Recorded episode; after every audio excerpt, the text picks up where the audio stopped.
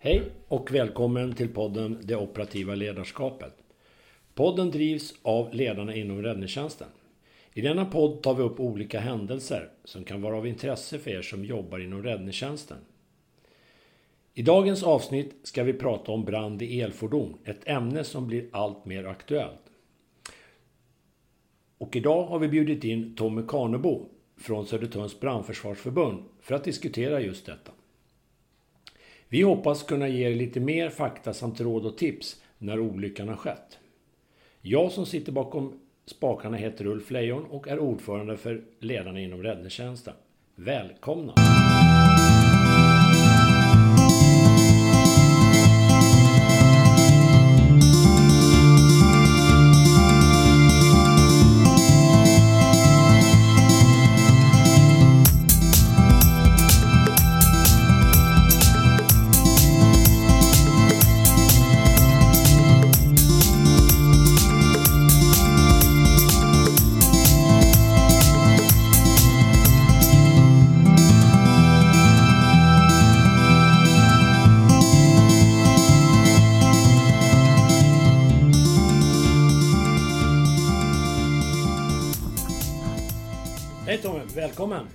Så mycket, tack för att du kom hit. Eh, jag tänkte så här, eh, det här med brand i elfordon. Jag vet ju att du är duktig på det här och jag har ju lyssnat lite på några föreläsningar som du har haft. Eh, Ja. Och jag tror att det här är någonting som intresserar våra medarbetare ute i landet. Absolut. Men jag tänkte så här, du kan väl börja och presentera dig lite själv först så att de vet vem du är. Ja, jag heter Tommy Karnebo. Jag jobbar som brandman på Södertörns brandförsvarsförbund. Här har jag varit i 19 år. Eh, men eh, jag har, varit an- jag har en tjänst här som heter samordnare för kommunikationsolyckor.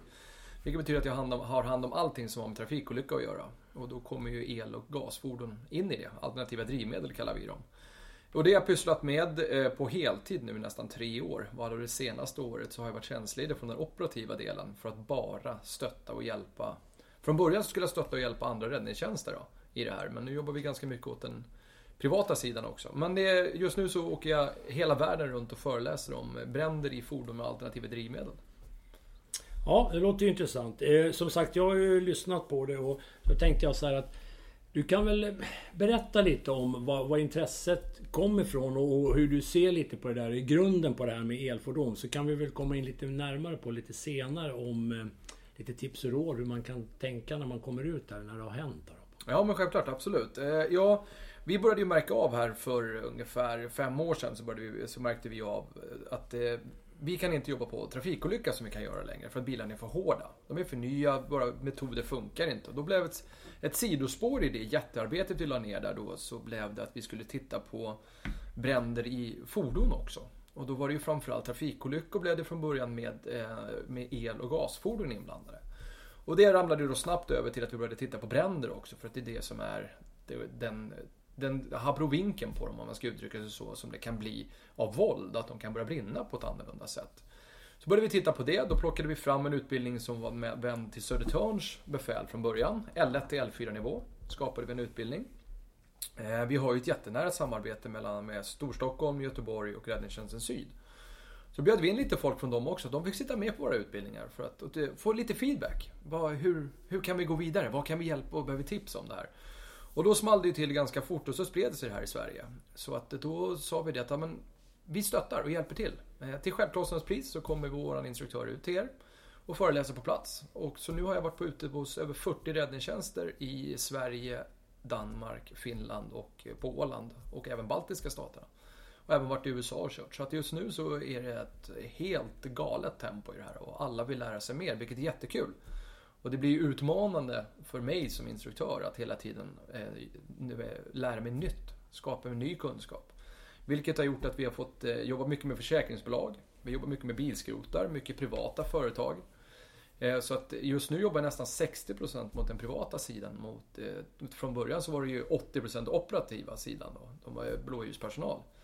Men vi, vi försöker hjälpa och stötta alla så att vi kan, eh, om man ska uttrycka sig så, att vi kan få ett samhälle där vi kan ha de här bilarna i. Men då behöver vi tänka på ett antal saker för att du kan inte handskas med bränder i de här fordonen som på ett vanligt sätt. Vad var det som väckte grundintresset just till det här? För det är säkert någon som undrar varför blir man intresserad av att titta på det här och inte någonting annat? Då? Ja, absolut. Det finns det ju säkert. Och det var ju så att när man började på brandkåren då skulle man ju... Då alla tyckte det var häftigt det här med brand och så vidare. Och jag ska vara helt ärlig, det, det lockade inte riktigt mig direkt. Jag brukar skoja till och säga att det finns tre fundamentala fel med rökdykning. Du blir svettig, det är varmt och det luktar illa när du kommer ut. Jag tycker bättre om att klippa bilar, för det kan man göra under tak om det regnar. Annars är man ute och gör det. Har lite så här. Skämt åsido, jag har alltid tyckt om bilar. Eh, och velat fungera, hur de ska titta på. Och då har vi alltid hållit på med eh, losstagning. Och då blev det här som ett väldigt bra... Det blev en del i det hela, att vi började titta på just hur de här fordonen drivs. Och då blev det branden också som kom in i det. Om, om du, när du har varit ute och föreläst, jag vet ju, jag har ju lyssnat på det två mm. gånger. Och då har du ju föreläst för lite olika personer. Mm. Hur, hur, har människor reagerat eh, när du är ute och pratar? För jag vet ju att en del tycker att vi eh, höj, liksom är för, liksom för höga med våra tankar kring det här och det är så farligt. Och en del är precis tvärtom. Hur, hur, eh, hur har du bemött det när du har varit ute? ute då på? Jo men absolut så är det. Och det jag föreläser ju för allt och alla. Liksom. Det, jag brukar vara ärlig och säga det. Det är lättare att berätta vilka jag inte föreläst för och det är svenska politiker. Jag har till och med föreläst för, föreläst för utländska regeringar. Då kommer jag direkt in i regeringen här. Föreläs för oss, vi vill veta. Eh, och det finns ju mycket synpunkter på det. Det finns ju... Men det är så att jag anpassar ju varje utbildning efter de jag pratar för. Alla behöver inte veta allting, men när vi pratar för blåljuspersonal, då så måste vi veta allt. För att vi måste veta hur vi ska göra det här. Jag hade en hetsig diskussion med en forskare här för så två veckor sedan senast. Som tyckte att eh, många brandmän överdramatiserade det här. Vi, han hade läst på brandforum där diskussioner gick hett och så vidare. Och då blev jag lite irriterad och så sa jag det tillbaka till honom. Jo men det du måste förstå, sa jag. Att vi ska gå in när skiten brinner. Ursäkta uttrycket. Och då måste vi ha fakta. Du har gjort forskning på vissa saker men det är inte i den miljön vi jobbar. Vi jobbar här, då måste vi få hjälp att kunna komma vidare. Eh, så att, eh, som det varit hittills så har så gott som samtlig personal jag träffat, både privata företag, brandpersonal, efteråt kommit fram och tacka. Och då kan det vara både sådana folk som älskar elbilar och de som hatar dem. Båda tycker att jag för ett ganska neutralt samtal och det blir jag väldigt stolt över, för det försöker jag göra. Ja, det var någonting jag reagerade för när jag eh, var på senaste föreläsningen. Att du var väldigt... Du snackade väldigt varmt för att du själv ville ha en elbil och hela det där. Så att man kunde ju tro ett tag där att det var bort med alla elbilar. Men så är det ju inte. Utan du skulle ju själv som sagt vilja ha en. Så det förstår jag. Men jag tänkte så här, om vi tittar på så här generellt. Eh, mm. Hur... Eh, vad händer eh, när, när, en bil börjar brinna? För det mm. börjar inte brinna sig själv. Eller, jag förstår, mm. Alla förstår ju att det blir en kollision. Men mm. vad händer? Det? För det, jag tyckte du hade bra förklaringar. Det var ju vissa där som inte hade en aning om när jag var på föreläsningen. Och du förklarade där väldigt bra, mer exakt vad som händer i batterierna och sådär. Ja, batterierna, det, det, i alla elfordon, oavsett om det är en hybrid eller om det är en elbil, så i dagsläget så är det litiumjonbatterier i dem. Det är ett uppladdningsbart batteri som är en, som jag ska vara ärlig och säga, det är en fantastisk uppfinning. Eh, men det är inte en ny uppfinning utan den är, den är väldigt gammal. Eh, men hur som helst, batteriet eh, kan lagra väldigt stora mängder energi under väldigt lång period. Det är det som är själva grejen med dem. De klarar hög belastning. Men de har tre akilleshälar som jag brukar säga. De har, tycker inte om värme, de tycker inte om våld och de tycker inte om överladdning. Och de där tre sakerna är de tre sakerna som man måste ta hänsyn till. Så att för höga hastigheter, eh, kollisioner med för höga hastigheter då kan batteriet fatta eld utav våldet som bildas. Vilket är, vilket är en skrämmande sak. Eh, bilarna kan också börja brinna. Eh, det finns siffror från USA. Som jag, jag jobbar ju väldigt mycket med forskare och eh, stat, statistik in från hela världen. Eh, och eh, den senaste siffran jag fick fram nu från USA är att av de, av de bilarna i USA, 58% eh, av, bil, av elbilarna i USA som har brunnit har krockat. Och då har vi en, en, då har vi en teori om att mycket av det sker utav det våldet som bildas på batteriet. För det är så att batteriet är uppbyggt på ett sätt. Det är kapslat i sig. Det är uppbyggt på cellnivå, modulnivå. Och sen hela batteripack. Och de här packerna de är åtskilda med, med väggar emellan så att de ska klara sig. Men när du trycker ihop de här då stressar du en elektrolytvätska som finns i batterierna som i sin tur kommer i kontakt med ytor i. Vi ska inte gå ner för djupt i det här för då kommer folk sluta lyssna. Men batterier tycker inte om våld för då kan det bildas en väldigt mjuk och härlig vet du, kortslutningen kan man översätta det till. Och den kortslutningen kan pågå i dagar, upp till till och med veckor, utan att vi vet om det. Så att, och när en sån sker, då kallas det bildas en termisk rusning. Först det som cellen gör är att den går in i ett stadium som kallas venting. Det betyder att cellen eh, Elektrolytvätskan i cellen börjar koka. Man brukar säga att det börjar ske ungefär vid 80 grader. Det finns inget exakt här, men runt 80 grader så börjar cellen koka. Då vill cellen släppa ifrån sig eh, vätskan, eller den röken som bildas för att inte cellen ska explodera. Och då eh, kommer ett fenomen som kallas venting, vilket betyder att den släpper ifrån sig väldigt mycket rök. Det kan vara vit rök, det kan vara svart rök. Det som ofta kännetecknar är att du ser röken utan brand. Och den kan vara väldigt, väldigt tjock utan att du ser branden. Det är det som eh, väldigt många blir förvånade av. Vad är det som händer? Eh, och den röken eh, är inte hälsosam för oss. Den är inte den som, det är inte här som det som folk pratar om, vet du, den här vätefluoriden bildas, utan den kommer oftast in senare när cellen brinner. Eh, och sen så kyler du inte cellen i det här fallet när den är på 80 grader. Då kommer den upp till 150 grader och någonstans mellan 150 till 200 då, kallar, då kommer du in i det som kallas point of no return och då börjar cellen brinna. Eh, och så att vi behöver ju vara vaksamma idag på det här när det sker. Eh, och därför behöver vi hitta, hitta sätt, arbetssätt som vi inom räddningstjänsten ska jobba med det här. För att om ett e-fordon eh, krockar idag, så börjar man tittar man hela kedjan så kan det vara ungefär 100 000 människor som kan komma i kontakt med det här fordonet. Allting från blåljuspersonal, bärgningspersonal, verkstäder, försäkringsbolag och så vidare. Och i dagsläget så är kunskapen eh, tyvärr relativt låg och framförallt så är rädslan ibland extremt hög. Och det är svårt att hitta den här nivån och gå på det. Balansera det här hela.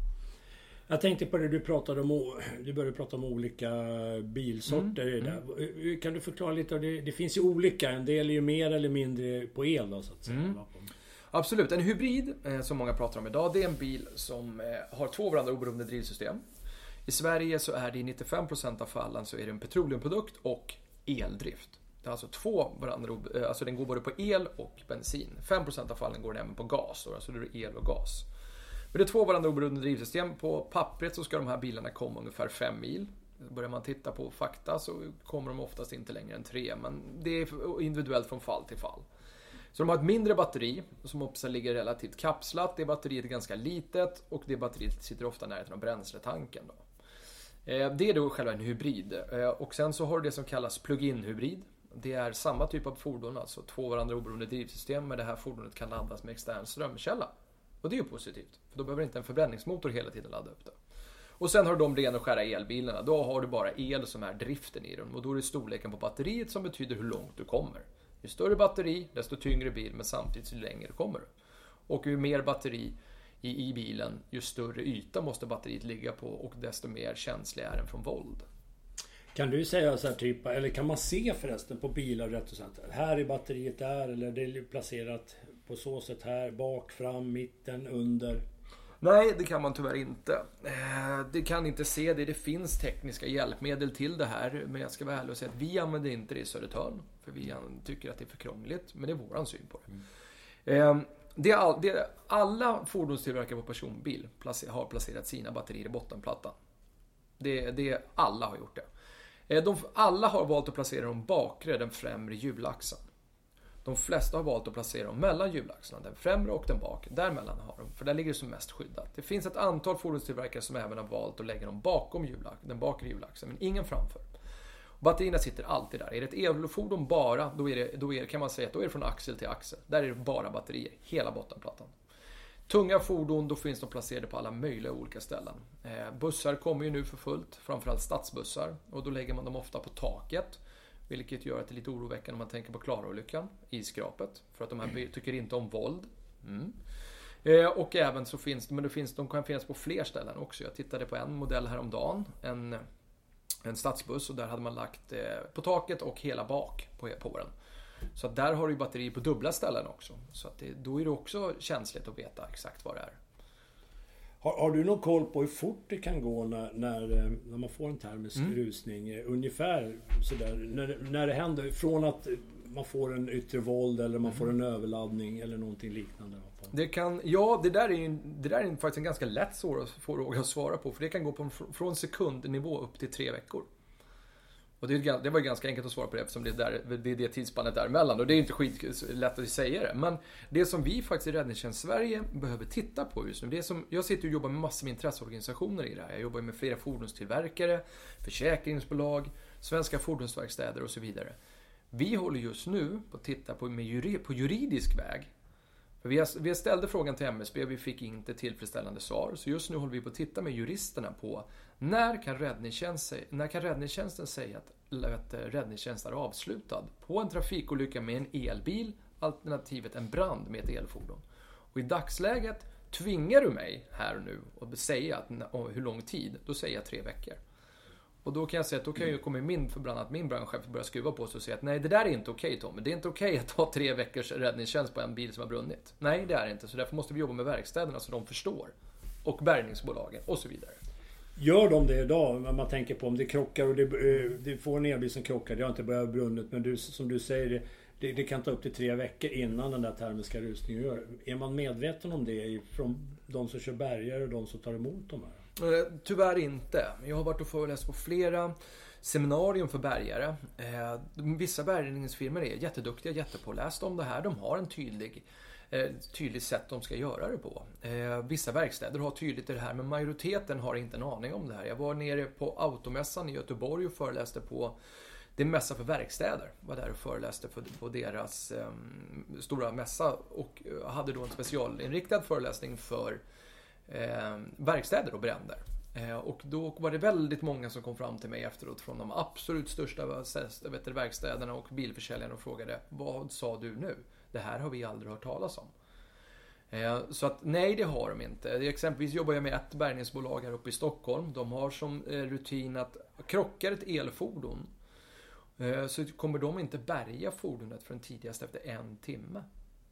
Och du som jobbar inne i Storstockholm som har Essingeleden. Hur känns det med att Essingeleden kommer att stå en bil på där i minst en timme varje gång din elbil är inblandad? Ja, det kommer ju inte fungera utan vi måste ju försöka få bort det. Jag, jag, jag, får bara en liten känsla när jag tänker så här, om de inte vet om det. Vad händer om det, om det för en gång skulle gå fort då? Får, man får in bilen och sen kör de in. För oftast är ju de här elbilarna, framförallt de som bara går på el, de är ganska dyra. Eh, så de kanske man inte vill ha utanför. Vad händer? Att de Ja, de kommer in på eftermiddagen, man ställer in dem under natten i verkstaden och så börjar det brinna där. Då, det låter ju inget, inget bra och det låter ju ännu värre om de inte är medvetna om det. Är det har man på något sätt agerat, är det några som har börjat agera och tänkt sig att vänta nu måste vi ha koll på de här bilarna innan vi tar in dem? Eh, ja, det börjar bli farta nu ordentligt i branschen och det har vi framförallt med att jag har börjat jobba med försäkringsbolagen och berätta det här för dem. Så nu ställer de krav på, sina, på verkstäderna att ska du ha en försäkring hos oss, då ska du göra det här. Vi jobbar med det som kallas karantänplats. Bara för att bara förklara bakgrunden också. Det är så att I dagsläget så känner jag till två bärgare som har brunnit upp på grund av att de har, i Sverige, som har, att de har bärgat en elfordon och bilen har börjat brinna på deras flak. Eh, med största sannolikhet så hade de inte, för det första visste inte de om att de bärgade ett elfordon. Och för det andra så hade de inte koll på att man behöver ha koll på det här fordonet. Brandkåren ska göra en okulärbesiktning ordentligt på det här fordonet innan jag plockar upp det och så vidare. Så att vi har ett hum om det i alla fall. Eh, och i USA så känner vi till en stor verkstad som har brunnit ner eh, på grund av att man tog in ett elfordon. Började mecka med den, sen gick man, den blev så klockan 16.00, och då gick man ju hem. Och sen när man kom tillbaka dagen efter kan vi väl säga att det var rätt öppen planlösning. Mm. Ja, det var ju det som oroade mig mm. lite när jag hörde det här och jag tycker det är lite konstigt att de inte har bättre kunskap, verkstäderna, om det här. Och då kan man ju fråga sig vad som händer. Bara inte, om man nu har... Mm. Om det nu är räddningstjänst som du säger, mm. en vecka och så mm. flyttas fordonet in. Mm. Då kan ju vi bli ansvariga också så att säga. Det gäller ju att tänka till här när man får de här olyckorna. Eh, och utbildningen bör nog ske mer än, inte bara hos oss, utan hos andra tycker jag det verkar som. Absolut. Eh, Utbildning om alla, måste, alla i kedjan. För att de här fordonen ska vi ha i samhället. Den diskussionen kan vi lämna direkt. Det ska vi ha. Det är punkt slut på det. Men då måste vi förstå oss också. För att jag stöter ju på de som tycker att jag går för hårt fram eller tycker att jag... Det, vad, vad, vad är ditt mål med det här? Jo, mitt mål med det här är att vi ska kunna ha de här fordonen i, i, i vårt samhälle. Men då måste vi förstå att det finns annorlunda risker med dem.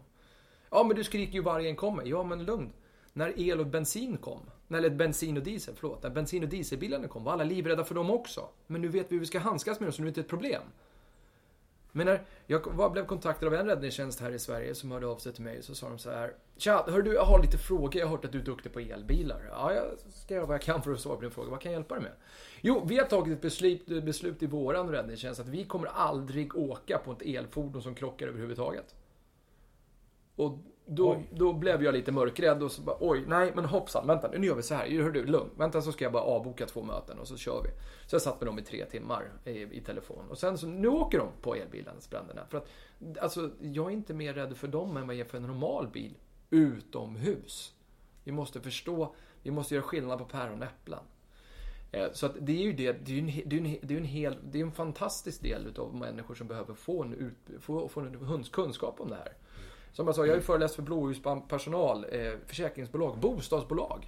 Jag ska föreläsa för Stockholm Parkering här nästa vecka tror jag det är. Eh, och så vidare. För alla vill veta det här. För att man vill, man vill, man vill, det finns en vilja i samhället att förstå.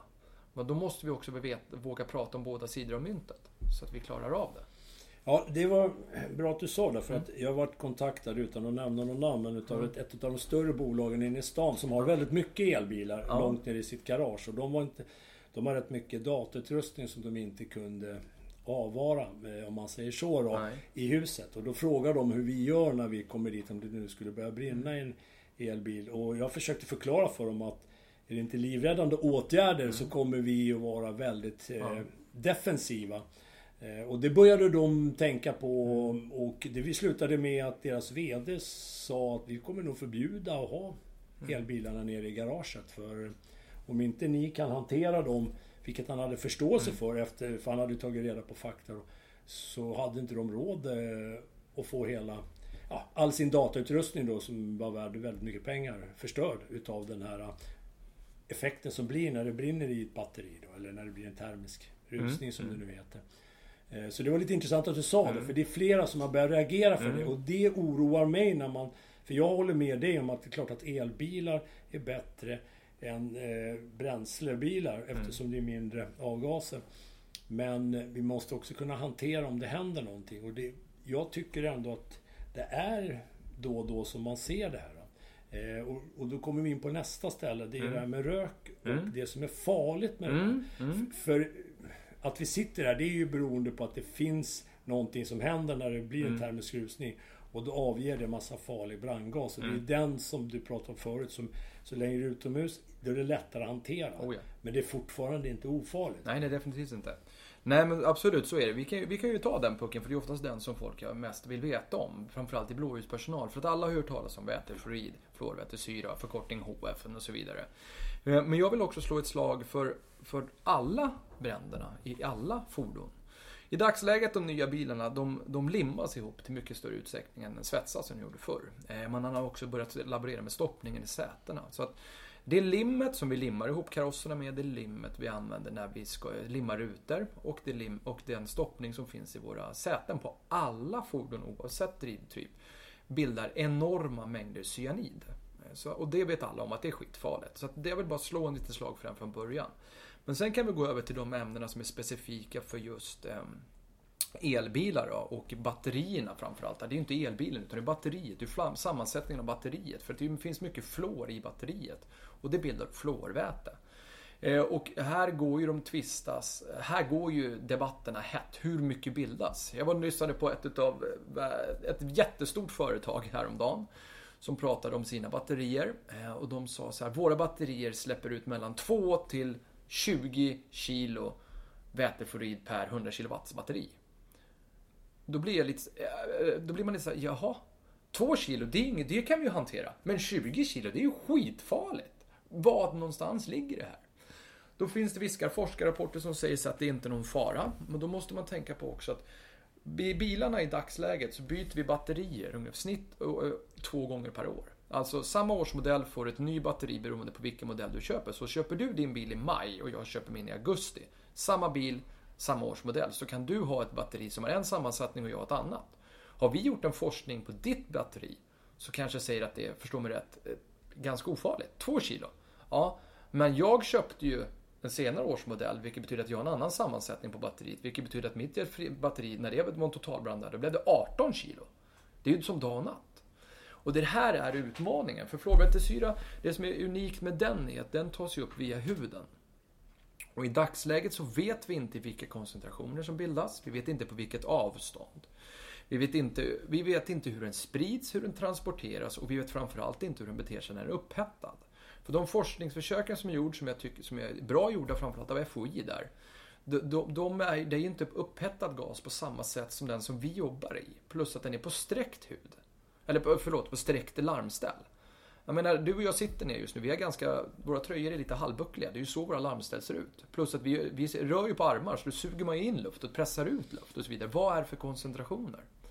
Så vi behövde ju få hjälp och stöttning i att mäta mängden koncentrationsvätska som finns i luften för att veta om det är farligt eller inte. Så vi har kontakt med flertal företag som jobbar med svensk räddningstjänst för att plocka fram instrument i det här. Eh, I dagsläget så har vi, har vi hittat, ett, har vi hittat ett, en, en produkt som vi har valt att använda i Södertörn. Och det, det, är en väldigt, väldigt trubbig produkt. Det enda som den kan göra är att den kan berätta om vi har det i luften eller inte. Det är egentligen det enda den kan göra. För att utmaningen är att utskilja fluorväten från övriga brandgaser. Och det är där oftast många elektroniska instrument stöter på patrull. För att det är ju en väsentlig skillnad. Om vi säger, du, du är ju befäl och du kan komma ut på plats där du ska berätta för dina tjejer och killar vad de ska göra. Ja, här inne har vi ett P-garage. Vi vet om att där inne brinner det fyra elbilar just nu. Rökdykning påbörjas, Syftet till begränsad branden. Vi ska förhindra rökspridning och så vidare. Ja, så skickar vi in fyra stycken brandmän. Fyra stycken brandmän kommer ut. Vi ser att vi dubblar rökdykargrupper innan. Fyra brandmän kommer ut. Vad gör vi nu? Vad ska vi göra med de här fyra individerna? Ska de totalsaneras på plats? Är de förbrukade? Vad, vad ska vi göra? Det är det här som är det tvista i det. Så att vi, det vi gjorde där är att då satte jag mig ner med, med mina instruktörer tillsammans med våra chefer här. Så plockade vi fram en instruktion om det här. Den instruktionen kan man få det, ta del av. Det är, vi är helt transparenta med allt vår dokumentation får man ta del av. Det är, vi ska hjälpa varandra. Det är bland annat därför vi sitter här, du och jag, idag. Eh, och den, där har vi tagit fram att, det finns så här, om man ska hårdra det. I Sverige så finns det räddningstjänster som säger rökdykning i P-garage med elbilar inne. Vi går inte in, punkt slut. Så länge det inte är livräddning. Sen finns det de räddningstjänster som säger det är ingen fara alls. Vad snackar någon? Det är bara att köra. Vi har hittat ett sätt som funkar för Södertörn. Och det är en rökdykning per person i max 20 minuter. Sen är den individen förbrukad. Det här funkar ju, kan ju funka hyfsat för de stora räddningstjänster du och jag jobbar i. Vi, vi, vi har ju ett litet lyxproblem ibland, att vi kan faktiskt ha för mycket brandmän på plats.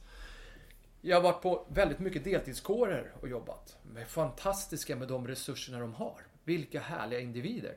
Och de säger det, men vänta nu. Du pratar om att efter en rökdykning så är det här rökdykarparet förbrukat. Jag har en plus en brandman om jag har tur i en timme, sen kommer nästa kommun. Vad gör jag då? Ja, då har vi en utmaning. Då måste vi hitta ett sätt som passar för just de individerna. Eh, och så att det, det, gäller att hitta ett sätt att förhålla sig till det här. Och det som är fördelen med det här instrumentet vi har valt att göra är att vi har ett, i form av en eh, indikeringsutrustning. Eh, lite grann som CBRN använder och så vidare, som Farsta är duktiga på och så vidare. Då har vi satt en, ett mästerinstrument på utsidan och den kommer bara berätta om det finns vätefrider eller inte i luften. Och då blev jag kontaktad av en räddningstjänst som sa så här vi testade den här utrustningen och, eh, och den gjorde ju utslag efter en lägenhetsbrand. Ja, men det är inte så konstigt, säger jag. För att vätefluorid bildas när plast brinner också bland annat. Och även andra metaller. Så vi har varit utsatta för den här under alla år. Bara att vi inte vetat om, om det. Plus att nu vet vi om att nu är det betydligt högre koncentrationer. Det är det som är den stora skillnaden. Eh, och det som vi också gör är att vi sätter dessutom en indikeringsutrustning på insidan av våra larmrör. Och sen så pratade jag med Räddningstjänsten Syd här. De hade gjort en jättebra grej. De hade stoppat ytterligare en mot huden. För det är där det är väsentligt att veta om vi har fått vätefluid eller inte. För att, att, när du kommer ut med din rökdykardräkt, då har du garanterat vätefluid på den. Det vet vi om. Men det intressanta är ju att veta koncentrationen innanför. Det är intressant att veta koncentrationen innanför understället, mot huden. För att i vår rutin säger så att har vårt instrument indikerat vätefluorid innanför larmrocken, då är det naken person på plats. Totalsanering på plats med tvål och vatten som gäller. Och sen ska individen in till sjukhus för kontroll.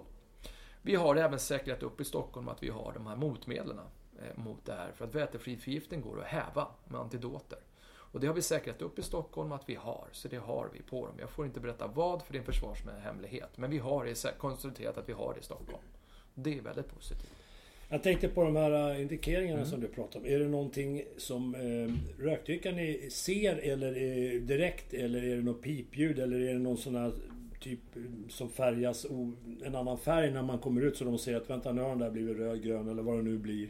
Eller hur fungerar de? Ja, jättebra. Vi var ju på jakt efter att vi vill ju helst ha det som du sa. Ljud och ljus varnar tidigt mm. så vi mm. får en indikering på det här. Men den produkt, vi hittade en sån produkt problemet var att den klarade bara 40 grader och ja, det känns lite sådär. Plus att den kunde inte utskilja vätefluorider mot, eh, för då började vi fundera på, kan vi sätta den på insidan då? Men då kunde den inte utskilja eh, vätefluorid från övriga brandgasen heller, för den slog ut den här processen som skapas då. Så att det vi har hittat nu då, det, det, den ändrar bara färg. Det är en liten ampull som ändrar färg, den blir rosa när nu, tror jag för mig att det var när den blev utsatt för vätefluorid. Och då vet vi bara att vi varit utsatta för det. Inte hur lång tid, eller inte i vilka kvantiteter. Så det är ett trubbigt instrument, men det är det vi har hittat på marknaden idag som är bäst. Vi jobbar ju tillsammans med väldigt många företag för att plocka fram ny så här. Så fort vi får veta någonting då kommer vi vara helt transparenta för att hjälpa till och skicka ut det. Så här, kolla, den här produkten använder vi. Mm. Ja, det är lite intressant att du säger det för att vi har ju alltid varit duktiga på, inte alltid men långt ja. tillbaka i alla fall, att skydda andningsvägarna. För det är ju det man har tänkt på att det är där det, är det farliga. Men forskningen har ju visat att det är väldigt mycket och kanske mer som tas upp i huden. Så att det är ju viktigt att man får stopp på det här tidigt. Då. Men din rekommendation sådär allmänt, mm. Det, det, är lite det att begränsat antal eh, minuter, vad man nu ska mm. kalla det, som man är i den här mm. riskmiljön och att man har några sådana här mätinstrument på. Mm. Det är ju intressant att veta att man har det innanför också. Mm. Framförallt de som hade gjort det på, i tre lager. Ja, visst. Absolut. För har man inte fått det längst in så vet man åtminstone att det har inte kommit på huden än så länge. Men jag tänkte mm. på Skarvdelar, ja. handskar, mm. larmrock och sånt där. Hur, hur och halsen ja, runt man. Hur säkerställer man... Alltså vi gör ju ganska tjock kläder, yes. resten av kroppen. Där är ju inget större problem. Men vi har ju några få ställen på kroppen där, där man är lite mer utsatt. Ibland är det ju bra att det är lite tunnare där, för då känner man ju också om det blir för varmt eller i tid så man hinner yes. ut. Då. Men hur säkerställer man att man inte får det där då? På? Ja, det är just det som är det. Forskningen var ju väldigt transparent på, säger det att alla ställen vi har öppningar i våra larmställ så har vi, har vi ett inflöde utav brandgaser. Och hur löser vi det? Och då, jag har ju en beklädnadsansvarig hos oss som är fruktansvärt påläst på det här, så jag satte ju honom direkt på det här. Hör du, kolla upp det här. Det vi ju har gjort hos oss nu är att vi har säkerställt att alla våra larmställ, hel som deltid, inga undantag, har samma typ av membran. För i membranet i larmrocken vet vi om att det skyddar. Eh, vilket membran, det finns olika membran, så ska vi säga direkt. Eh, så vi har säkerställt att alla har den. Vi har samma membran i den... Då börjar folk säga så dragkedjan då? Ja, men vi har säkerställt att våra larmställ har samma membran i den flärpen vi fäller över. Så att den är tät där. Vi har bytt ut alla våra handskar. Så att alla, alla har, samma, har handskar med samma membran i. Vi håller nu på att byta ut luvorna också. Men det blev en astronomisk kostnad för det visade att ingen utav våra luvor hade det här membranet i. Så vi håller på att byta ut. Och bara för att lugna ner brandmännen där direkt då, att det finns ingen forskning som säger att den lilla arean du blottar i huvudet ska vara jättefarlig direkt. Så att det är ju fortfarande så att det är outforskad mark. Så därför så gjorde vi så att, ja men då säkerställer vi. Kängor, gummistövlar, larmställ, rock, äh, handskar byts ut nu. Vi har också en rekommendation hos oss som säger vid bilbrand, oavsett bilbrand, så ska du ha sjukvårdshandskar under. Och det är för att vi har ett genomträngning utav våra, våra handskar. Och framförallt ska du in och pilla så vill vi att vi har sjukvårdshandskar under. Så det går ut till våra, våra bilbrandssläckare. De individer som släcker bilbrand, att de ska ha sjukvårdshandskar under. Och framförallt också för att underlätta avklädning efteråt. Just, vi vet ju om hur mycket som lagras i våra larmställ. Då har de sjukvårdshandskar på sig från början, så när de plockar av sig, då är det det som gäller. Så har vi säkerställt de rutinerna också, hela kedjan. Förtydligat Friska brandmän-konceptet, att det här är det som gäller, punkt slut. Hur har det mottagits då? Eh, eh, hur, hur pratas det på stationerna? Tycker man att man har tagit tag i frågan och jobbar framåt eller tycker man att det går för sakta? Eller är det någon som kanske tycker att det här är bara larvigt? Eller hur ser, hur, hur ser det ut på stationerna hos er? Ja, och i Södertörn kan jag prata för. Jag har varit runt på över 40 räddningstjänster så jag har ganska bra koll i hela mm. Sverige också. Ja. Mm. Men vi börjar i Södertörn och där, där känns det som att då, brandmännen och befälen har accepterat att vi har kunskapen. Eh, alla har inte riktigt accepterat att de tycker att det går lite långsamt och det har jag full förståelse för. Men då kan jag bara säga att vi gör allt vi kan. Vi kan inte jobba fortare. Jag menar, jag är, deltar exempelvis i två forskningsprojekt just nu. Och det, det, om ni tycker att det går långsamt på brandkåren, vänta tills forskare drar igång. det är jätt, forskning är jättebra, men det tar tid. Och det är liksom, så att vi måste ju då hitta sätt vi ska förhålla oss till det. Det är exempelvis därför jag plockar fram de här rutinerna. Eh, som säger att rökdykning max 20 minuter och så vidare. Eh, och övriga landet är, är, när jag kommer ut så är det oftast så att det är vissa som har ganska bra koll på det här. Men framförallt har de bara koll på rädslan de har inte koll på lösningarna. Så att när vi, det, målet, alltså det är oftast jag möts av när, de, när jag kommer dit, är att all, det sitter, jag, den, den utbildningen som vi erbjuder övriga Brandsverige är ju en L1 till L4 nivå. Och då är tanken är att vi utbildar befälen, sen får ni vårt utbildningsmaterial, varsågod. Och sen utbildar ni er egen personal. Det blir ju, det är liksom, det, vi delar med oss. Mm. Och då sitter befälen där, vissa är ju taggade till tänderna, nu jädrar ska vi ställa frågor. Och det är ju kul och inspirerande. Och, men, men vissa utav dem har bara förstått problemen. Och, min, och utbildningen går ju ut på, utbildning och föreläsningen för mig går ut på att du ska komma därifrån och ha en högre kunskapsnivå och förstå vad du ska göra. Så jag vill ju, vi försöker hela tiden utmana befälen att kunna gå vidare. Jag, jag, kommer berätta risk, jag kommer berätta hur bilen är uppbyggd, jag kommer berätta lö, hur, hur farorna finns, men sen kommer vi också prata lösningar. För vi måste ju komma vidare i det här. Så de flesta efter så får jag oftast feedback från dem att de säger att de tackar för en bra föreläsning och framförallt att nu har vi någonting att jobba vidare med. Nu ska vi anpassa det materialet vi fick av dig så att det passar våra räddningstjänst, för alla ser ju olika ut. Eh, men oftast så är kunskapen relativt låg, ursäkta om någon tar illa upp. Eh, men framförallt, och så framförallt så har man bara förstått att det finns risker. Man har inte hittat möjligheterna riktigt i det här heller. Men jag är ganska övertygad att de flesta eh, håller med dig om att kunskapen är låg också. När det gäller brand mot elbrand. Inte när det gäller att släcka bränder, för det, det, det, kan vi. Utan just med den här biten. Men eh, jag har varit lite sådär, jag började fundera, för jag tänkte lite på våra larmställen som var i Storstockholm. Eh, och där har man ju då sagt att man behöver ju inte på samma sätt som när jag började exempelvis. Mm. Skulle man ha underställ och det skulle mm. vara både det ena och det andra. Idag är i stort sett att man kan köra naken under mm. larmstället. Men jag blev lite orolig när jag hörde hur du förklarade mm. de här grejerna för att det betyder ju att om jag inte har någonting under, då har jag inte det här med bra... Alltså, man tappar ju någonting emellan och det tror jag kan vara viktigt att eh, förmedla mm. till i alla fall våra medarbetare att det är viktigt att man har ett bra ställe. Och det går ju bra med våra stationskläder som vi har idag, men att man har någonting under så att man inte bara kör med någon, någon tunn tröja och någon shorts eller någonting. Så att man har rätt utrustning. För annars går det ju mycket fortare att gå igenom lagren och då får man det på huden, vilket inte är bra. Ja, det är helt rätt i det du säger. Vi har, vi har ju säkerställt i Södertörn nu att nu har det gått upp den... Ja, vår räddningschef fick ut med väldigt tydligt eh, direktivet som säger att vi åker inte med stationsställer under, utan du byter om till korrekt underställ under, punkt slut. Inga kortbyxor och t-shirt under, utan det är korrekt underställ som gäller. Sommar som vinter. Och det är bara att förhålla sig till det. Vi har gjort förtydligat det. Ja, där har ju vi en bit att jobba på. Det tror jag säkert flera räddningstjänster För det, det, ser lite olika ut. Från början var det mycket och nu var det lite och så vidare. Mm. Jag tänkte på, du pratade där lite om eh, vad man gör för åtgärder när man är framme. Lite ja. tips och råd. Ja. Om olyckan nu sker. Ja. Vi, vi, landar på en olycksplats. Vi kan ju börja med att prata utomhus mm. eller även inomhus. Eh, jag vet ju att du har massa bra tips mm. och råd. Och det är ju din... Eh, liksom punkt i det hela, det är mm. att man ska komma därifrån när man har mm. lyssnat på en föreläsning. Att mm. Okej, okay, nu ska vi arbeta vidare för att vi ska bli bra på det här. Inte att vi ska låta bli som någon räddningstjänst sa, att vi åker inte på det här. För det är nog inte riktigt rätt inställning. Vi måste givetvis hjälpa till. Absolut. Men vi måste skydda oss. Vad, mm. Hur kan du ge lyssnarna lite råd om det då? Ja, vi gör ju så att vi har ju begärt, eh, begärt hjälp från SOS och våra linjesoperatörer söker ju aktivt hela tiden eh, vad det är för typ av drivmedel på bilen. Så blir det en kollision alternativet en brand, då får vi oftast veta det på utlarmningen. Brand i fordon, eh, eldrift eller liknande. Eh, och annars så jagar vi regnummer och så vidare. Så Men vi, nu, har vi, nu har vi släppt den kedjan och nu har vi kommit fram och där finns det då, och där är det konstaterat att det är brand i ett elfordon. För det första så måste vi lokalisera att det är brand i batteripacket och inte, för det är väsentlig skillnad. Det vet vi ju inte helt enkelt. Eh, bilar, elbilar anlagd brand Eh, är ganska bra, står de emot den branden ganska bra, alltså från kupén och neråt. Utmaningen är när det är det som både du och jag har märkt av, det att man har, det har hunnit gått sönder soppatanken på en två, tre bilar och så rinner den iväg. Du vet ju själv man springer och jagar det här soppamolnet. Där har vi lite utmaningen, för då kommer direkt branden under, direkt på batteripacket under, med väldigt hög petroleumenergi. Liksom. Då kan vi få det. Det första säkerställa eh, elbilsbrand. Eh, och, eh, och sen då säkerställa om det är brand i batteriet eller inte.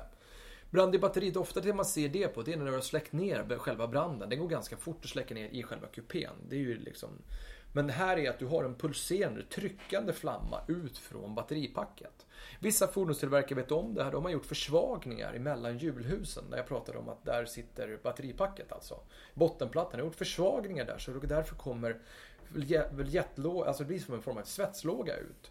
Eh, och den kan bli ett par meter lång. Då kan den trycka ut i sidorna där. Så då, det syns det väldigt tydligt att här är det det. Eh, men det är inte, för det är inte alltid att en brand bildas en termisk rusning i batterierna.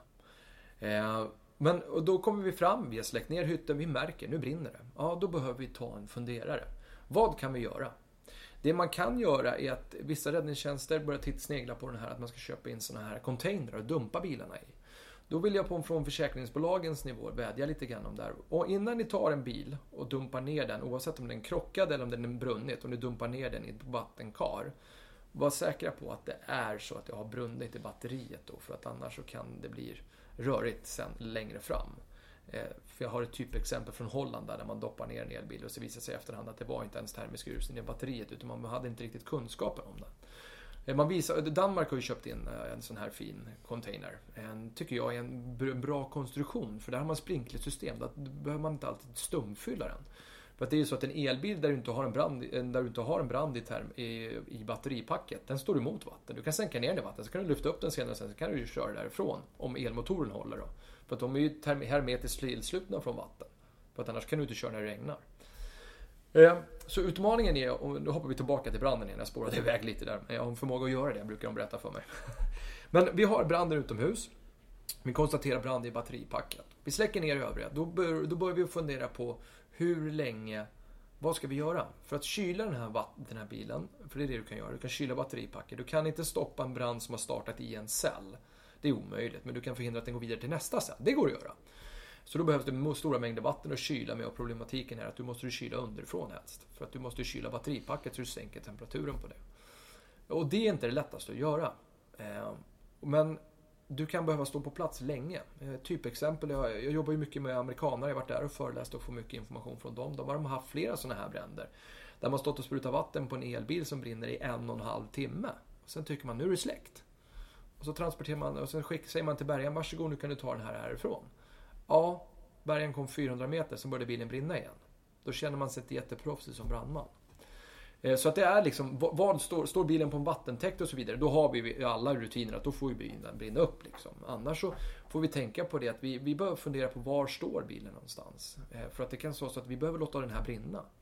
Och det finns typexempel när batteripacken har brunnit 12-14 timmar. Till och med hört ett exempel om att bilen har brunnit upp till 24 timmar. Och det blir inte jättekul att stå på plats och bevaka så länge. Så jag hävdar nog att vi ska nog försöka attackera det här ändå. Eh, med stora mängder vatten så behöver man fundera på tankbilar och så vidare och andningsluft och så. Eh, när vi sprutar vatten, mm. kör vi med några håltagningsdelar eller, eller bara, bara kyl ovanpå? Absolut inte under några som helst omständigheter håltagning. Mm. På något sätt överhuvudtaget. Skärsläckare är striktligen förbjuden. För att skjuter du med en skärsläckare på ett batteripack, då skapar du en brand istället.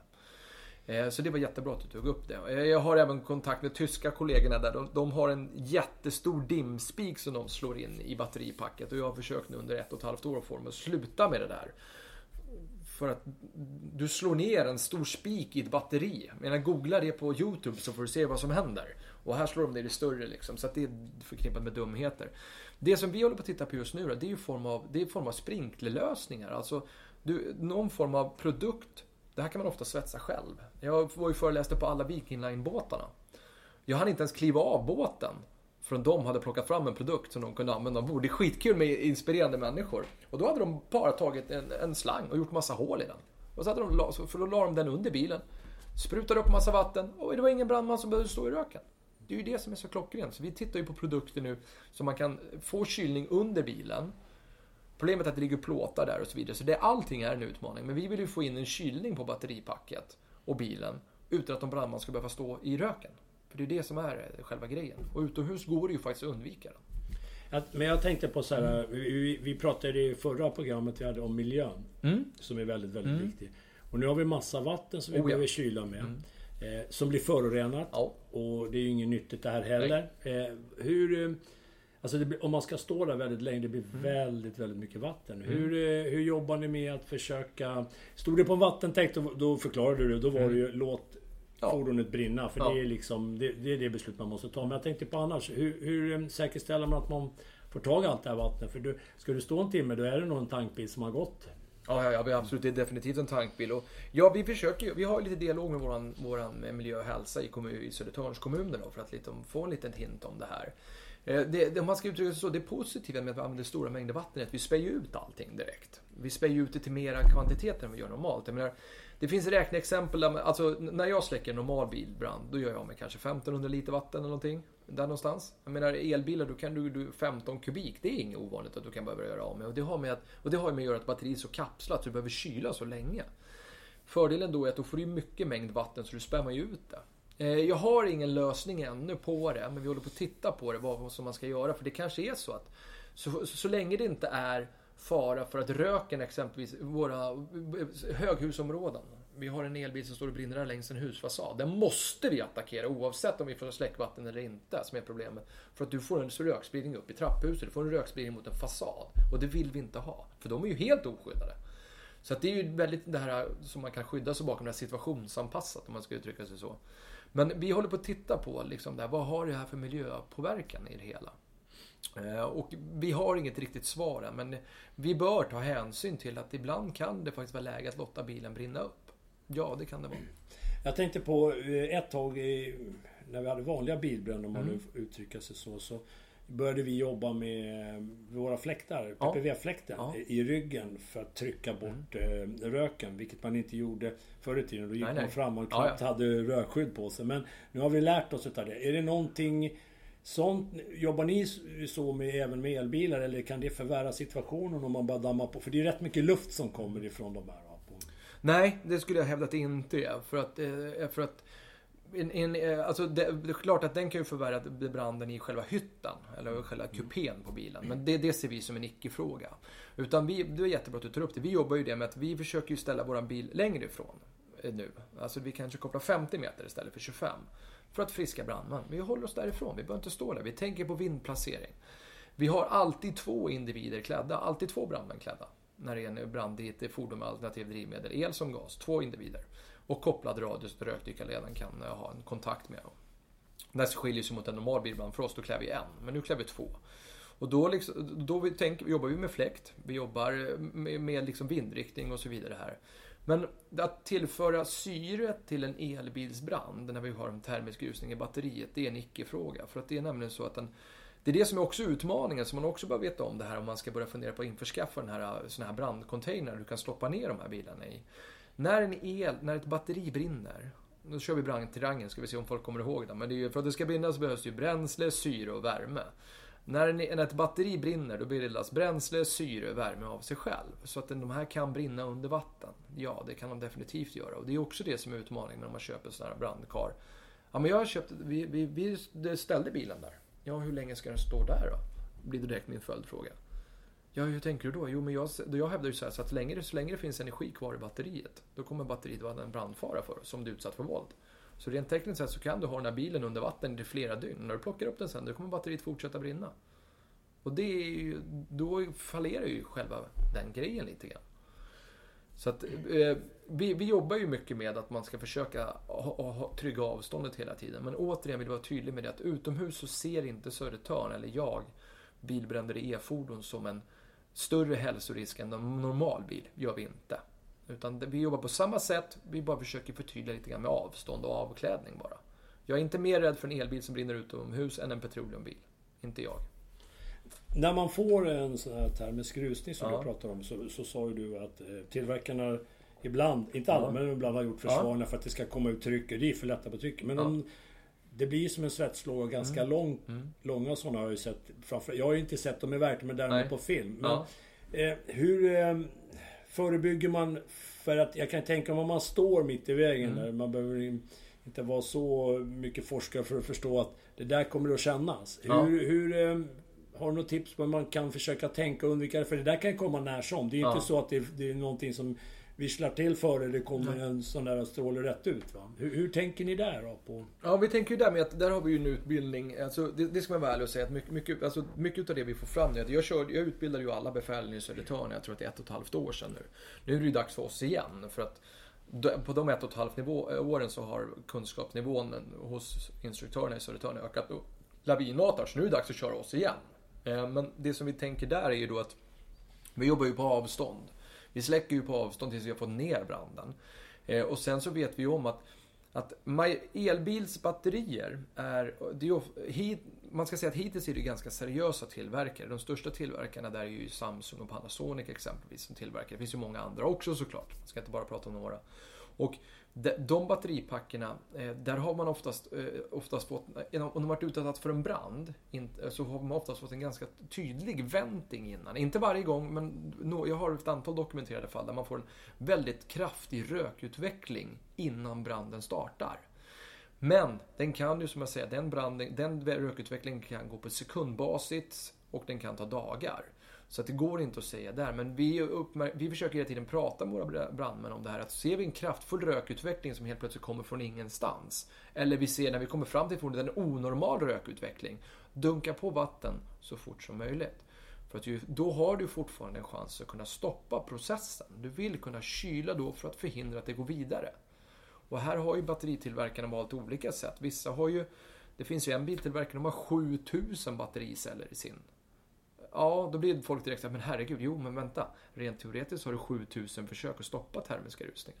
Medan en annan motsvarande biltillverkare som har samma mängd, storlek på batteriet, de har 48 celler. Så att det, vi, vi, vi, vi försöker göra brandmännen uppmärksamma på att vid rökutveckling, även om den är vit, vi är oftast redan, alltså vit rök kan ju vara vattenånga och så vidare. Ja, absolut, det kan det vara.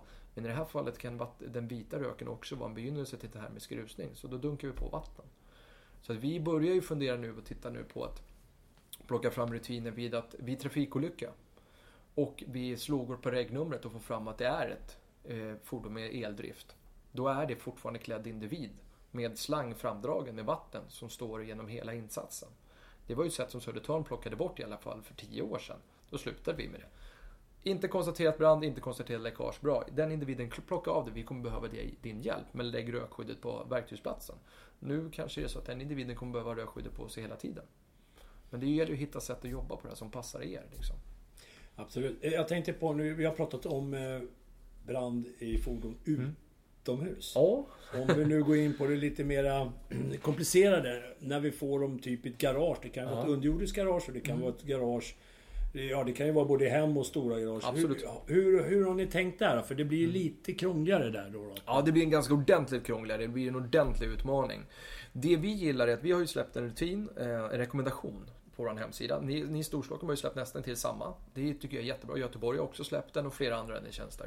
En egen rutin på man pratar om laddning och parkering. Eller inte parkering utan laddning utav elfordon och så vidare. Och där säger vi att vi vill ju inte ha RVP-garage. Eh, Eh, och det är, ju vår, det är ju för att om, om det skulle bli som brand så vill man inte ha dem i P-garage för att det blir en utmaning för räddningstjänsten.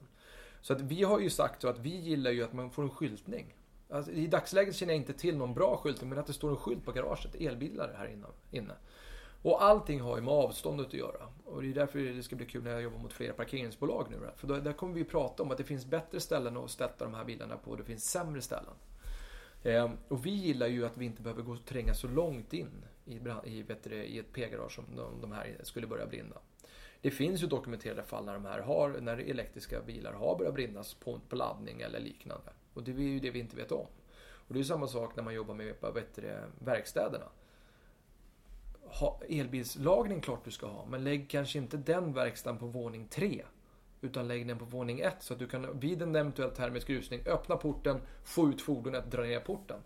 Du har minskat problemet med 90 procent. Men de gångerna det är rökdykning i de här ställena, då är det ju, vi jobbar ju, våran, eh, vi jobbar ju med vår indikeringsutrustning.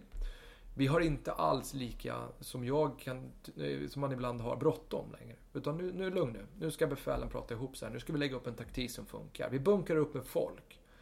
Förstå mig rätt, oftast på garagebränder i, fler, i, liksom i flerfamiljsbostadsområden och så vidare, då är ju inte alltid jättepanik. Det är andra bilar som brinner upp. Förstå mig rätt där. Det är ju situationsanpassat. Det kan vara rökspridning upp i trapphus och så vidare, absolut. Och då är det ju bråttom. Men då gäller det att titta lite grann på taktiken. Vi har så här många brandmän som gäller, som kan jobba.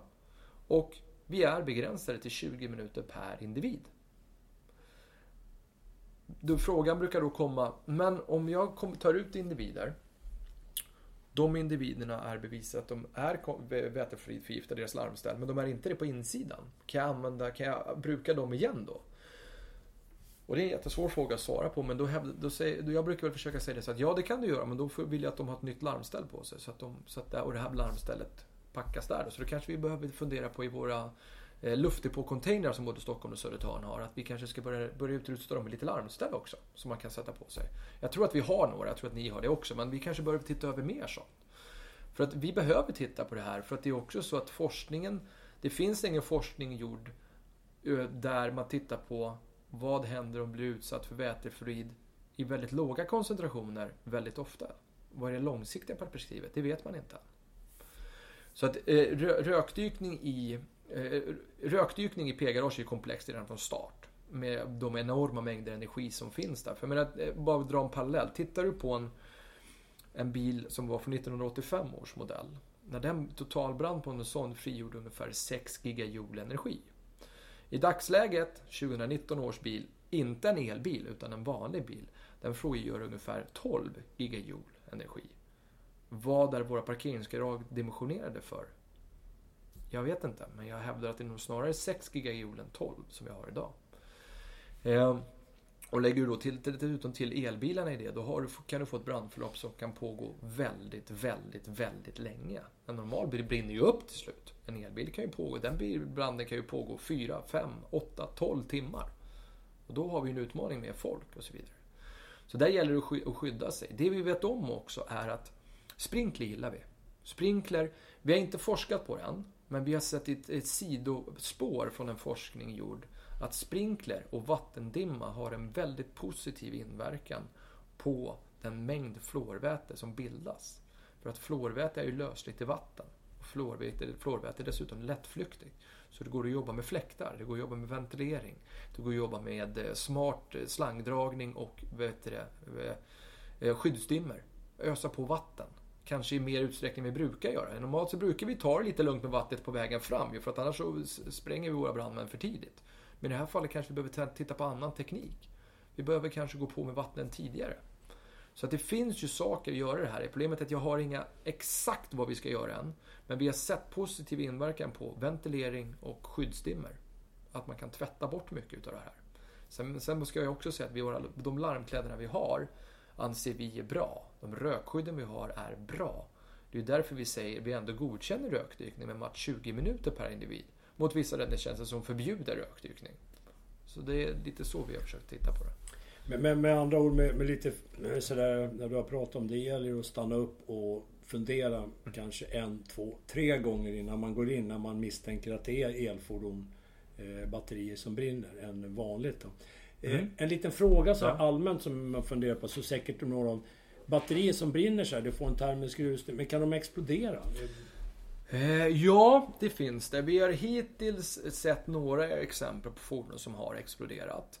Eh, och det har ofta, ofta ska man, det, det, är inte vanligt, så ska jag säga direkt. Men de rapporterna jag har fått tag i där det har skett, då har det skett att termiska rusningen har gått så fort, för värmepåverkan har blivit så enorm där. Och flera gånger så har det, en av gångerna så var det, så var det en defekt i batteriet. Eh, men däremot det som vi bör veta om är att den, den vita alternativet svarta, den röken som bildas vid det här själva ventingfenomenet när cellen släpper på trycket för att inte explodera. Den gasen är tändbar. Och när den gasen blåser, då sjunger, utav, då sjunger det kring öronen på oss, det kan jag lova. Så, så där är också en anledning till att vi vill, att vi vill kyla brandgaser väldigt tidigt. För att de här brandgaserna kan explodera väldigt, väldigt fort. Och de kan explodera till och med jag har sett försök där man bara har skapat termisk rusning i batteriet. Och sen, tänd, sen provtänder man gasen med en initialbrand bara.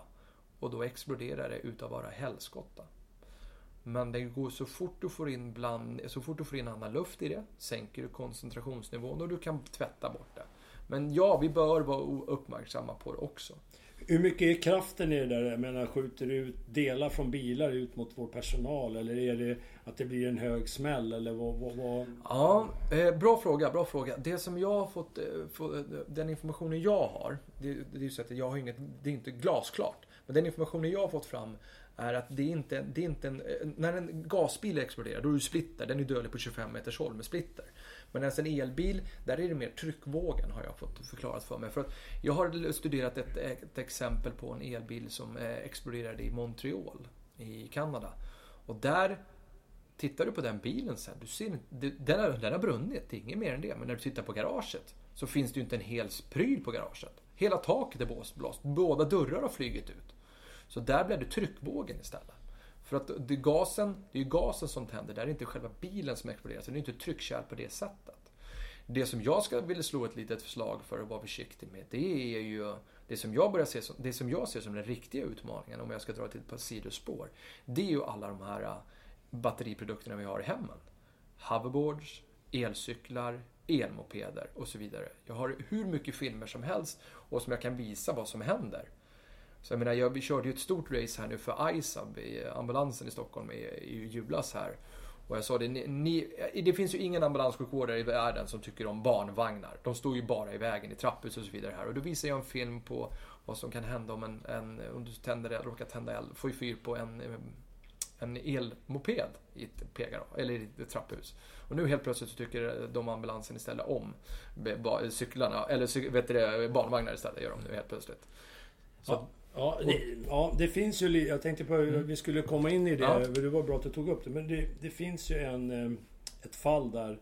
Ett, jag har för mig att det är ett cykelbatteri som börjar brinna. Och eh, den personen... Det var i en lägenhet. Ja, och den personen på, på ett eller annat sätt försökte få ut det där. Men, mm. men eh, har ju haft problem med, med hälsan efteråt. Ja, har det fortfarande. Länge. Ja. ja, har det fortfarande. Och då kommer, det är ett rörigt, ja. Och det är några grejer som har hänt ett antal gånger när ja. vi har åkt på lägenhetsbränder. är ju att de här har börjat bli allt vanligare. Oh ja. Att de laddas, det är jättevanligt. Men att ja. det börjar brinna. Ja. Eh, hur, har du någonting där att säga om hur ska man hantera det? För att det är kanske inte det vi, när vi kommer upp där, att vi Nej. tänker att oh, här är det ett eh, en cykelbatteri som har brunnit. För det är ju väldigt giftiga gaser som samlas där. Jättebra att du tar upp den frågan här. Jätteviktigt. För att jag, den kunskapsnivån jag besitter just nu så hävdar jag att en elcykel, en elmoped, en hoverboard, jag skulle inte vara jätterädd för dem. Det är för små batterier. Så att den, den mängden vätefrid som bildas i, i huset ändå, och de giftiga gaserna som bildas av soffor, TV eller annan elektronik, så skulle jag inte se det som ett så stort problem. För att vi har rökskydd. Men däremot så behöver vi fundera lite grann på de individerna som ska ta ut den här personen. Vi ska nog sanera personal. För att det är ju så att den, här, den cykel du pratar om där som skedde, där, är ju, där påvisade ju faktiskt ambulanspersonalen dagen efter symptom för vätefridförgiftning. Och de hade ju bara tagit individen och den individen var även lättsanerad innan. De har inga symptom idag, de har ingenting sånt, så, så vi ska vara väldigt tydliga med det. De har ing, men dagen efter så påvisade de liksom, ja men det här är det nog lite. Och det börjar komma nu. Jag har ju varit runt på flera delar i landet, så jag känner till två ambulansare jag känner till sex stycken brandmän på en, på en eh, räddningstjänst och sen har vi de här 12 stycken brandmän uppe i Nordnorge som stötte på det här jättebatteriet som brann. Eh, så att, eh, de batterierna vi har i hemmet skulle jag... Alltså, du och jag sitter här. Får, vi en termisk rus, får du en termisk rusning i din telefon som ligger under, under näsan på dig? Ja, det kan vara farligt för dig för då får du i ganska mycket gas. Men jag som sitter på andra sidan bordet, jag skulle inte vara särskilt rädd för den. Eh, de här produkterna är jag mer rädd för att de startar branden än själva den gasen de frigör. Absolut, sen har ju ni ett typexempel exempelvis på eh, Kungsholmen där det har brunnit i en tre, fyra gånger i samma lokaler där man har laddat elsparkcyklar. Det som gör mig lite oroad där är ju att jag pratade ju om att batterier tycker inte om våld. Och det är ju det som är lite, det är det jag är lite rädd för, de här eh, vet du, firmorna som hyr ut elcyklar, elmopeder och så vidare. Det här. Du har ju ingen aning om vad den produkten har varit utsatt för för någonting. Du, jag menar, hoverboardsen börjar brinna, det vet ju folk om att de är ju skitfarliga. Men jag hävdar att de är inte farligare än en elcykel. Och en elcykel är inte så många rädda för. För det är så här, de som kör hoverboardsen, det är oftast våra barn, eller hur? Och hur försiktiga är de med grejer? Ja, min son är ute och kör sin hoverboard, åker på en trottoarkant, slår i batteriet på fel ställe. Kommer hem, pappa den här funkar inte. Ja, men vad är det första man gör då? Man provar att sätta den på laddning såklart. Ja, och då, det kan jag ju skjuta att den är islagen. Då kopplade, kopplade batteriet ifrån sig så att jag mår inget bra. Om det nu finns en BMS i bilen, Battery Management System heter det. Ja, om det nu finns en sån. Men den där islagen kan ju göra att du startat en termisk rusning, men den kan ju vara fördröjd som jag sa. Ja. Men när du skickar på ström så sker termiska rusningen på mikrosekund. Så det är ju där jag är lite rädd för de här storstäderna, som privatpersoner som plockar hem 10 elskotrar, sätter dem på laddning hemma i ditt hem och får betalt för det. Men du har ingen aning om vad den där skotern varit, eller den där elsparkcykeln varit utsatt för, för, för någonting innan. Jag menar, jag jobbar mycket med räddningstjänsten nere i Holland. Där hyr de ut cyklar. Jag har ju flertal filmer och bilder på deras, deras servicebilar som börjar brinna. När de åker ut och plockar in de här cyklarna för att skicka dem på service. De har ju förlorat ett antal sådana här bilar. Ja, de ligger ju slängda både till höger och vänster ja. och de eh, körs ju väldigt hårt, så jag förstår ja. det. Och sen ska man ju ha klart för sig att Även de här som du pratade om på Kungsholmen, där man mm. samlar ihop dem. Det är ju sådana lokaler som kanske inte är förberedda för att ha Nej. i grunden laddning. Nej. Eh, det måste man ju ha med mm. sig där. Men jag tänkte på det, mm. om, om, om man nu får eh, en brand i, med cykelbatteri, hoverboard eller vad det nu är. Mm. Och man, man kan konstatera det. Då är ju liksom lite rekommendation, om jag har förstått mm. det rätt, att man börjar fundera på sanering på bättre sätt in, redan på plats. Redan där, mm. innan man skickar iväg dem. För att mm. annars så kör vi in dem i ambulansen och så kommer de in på akuten. Ja. Och då har vi smittat hela vägen. Det är ja. en bra tips att ta med sig. Att vi kanske är lite extra noga när vi misstänker att fan, här behöver vi sanera de här grejerna. Ja men Eller absolut. personerna med frågan. Jättebra sammanfattning där skulle jag säga. Om vi, om vi säger att vi får en rök, vi får en, en brand eh, i ett... Eh, vi ser, Stockholm kommer på lägenhetsbrand blir uppmötta på platsen av en individ som är svart i ansiktet och säger det är min elcykel som brinner där inne. Ja, skicka in dina rökdykare så fort du kan. De två närmsta individer, in! Ta cykeln, ut med den, ställ den på gräsmattan eller vad det nu är, eller på innergården. Och så spola vatten på den. Det är inte, det är, det är inte värre än så. Inte på något sätt. Men sen måste ni börja ta hand om den här individen direkt. Den här individen, jag, jag tycker nog att vi ska nog börja titta på rutiner där vi ska, alltså de här individerna ska lättsaneras på plats innan de åker in i ambulansen. Och ambulansen ska använda Andekats skyddsutrustning. Alltså vi pratar i alla fall minst handskar på sig. Det förs diskussioner i sjukvårdsleden nu att man ska börja åka med flyktmasker och så vidare. Jag, jag är för dåligt påläst för att kunna just exakt vad det är. Men jag vet om att tvättning och lättskrubbning utav, alltså lättsanering som vi gör på en person på plats gör det väldigt mycket säkrare för ambulanspersonalen. Och just som du säger, hela kedjan in för att underlätta. Så jag, det skulle jag vilja slå ett slag för. Att, att vi börjar kanske hjälpa sjukvården att sanera lite grann där. Problemet är att många sjukvård, sjukvårdsambulanser och sjukhus vet inte om det här heller. De har inte heller koll på vad det är de utsätts sig för och så vidare. Nu har ju risknivån i Sverige ökat till lavinartade. Men nu pratar vi om ett, nu pratar vi om ett virus. Men vi kanske ska börja titta på den här också. För att den här är överförbar genom kontakt mellan hudytor. Mm. Ja, det är intressant. Mm. Eh, både du och jag har jobbat ett tag så att men det här är ju en ny grej och mm. varje gång jag och lyssnar på det så lär jag mig alltid något ja. nytt. Det är ganska intressant. Ja, men jag får massa tankar hela tiden hur jag ska tänka när man åker operativt där. Ja. Eh, det är, inte, det är ett intressant ämne och vi skulle kunna fortsätta hur länge som helst. Oh ja. men, men, jag tänkte så här, om det är någon där ute nu som lyssnar på det här och känner att de skulle vilja komma i kontakt med dig. Eh, för jag tror nog utan att behöva göra någon alltför kvalificerad gissning att du är mest påläst utav det här utav oss som jobbar inom det. Jag, jag, tror inte det finns så många som har lagt ner så mycket energi och så mycket tid som du har gjort i det här. Eh, och jag tycker det är jättebra att någon är engagerad. Va? Men jag tror att det är väldigt många som skulle vilja mm. få mer information och kanske få lite mer hjälp. Du pratade om kanske hyra in er, mm. få material och, mm. så, sådär. Hur eh, får man kontakt med dig enklast? Ja, enklast är ju att söka sig till Södertörns hemsida. Den heter ju sbff.se eh, och där så finns det utbildningar. Alternativet, eh, man klickar på utbildningar där, utbildningar och seminarium, så kommer man fram till den befälsutbildningen som finns där. Då. Alternativet man skickar ett mail till info.sbff.se och frågar efter Tommy Karnebo. Eller direkt till mig. Tommy.karnebo sbff.se. Och jag svarar så fort jag får tid. Och jag är, vi är väldigt måna om att hjälpa till. Så mycket det bara går. Och bara för att förtydliga så är Karlebo med C i början. Ja, Karnebo ja. C-A-R-N-E-B-O. Precis. Jajamän. Hur, vad var hem, eh, till er, om du tar det lite lugnare med eh, till Södertörns där? sbff.se. Simon Bertil Fredrik Fredrik.se.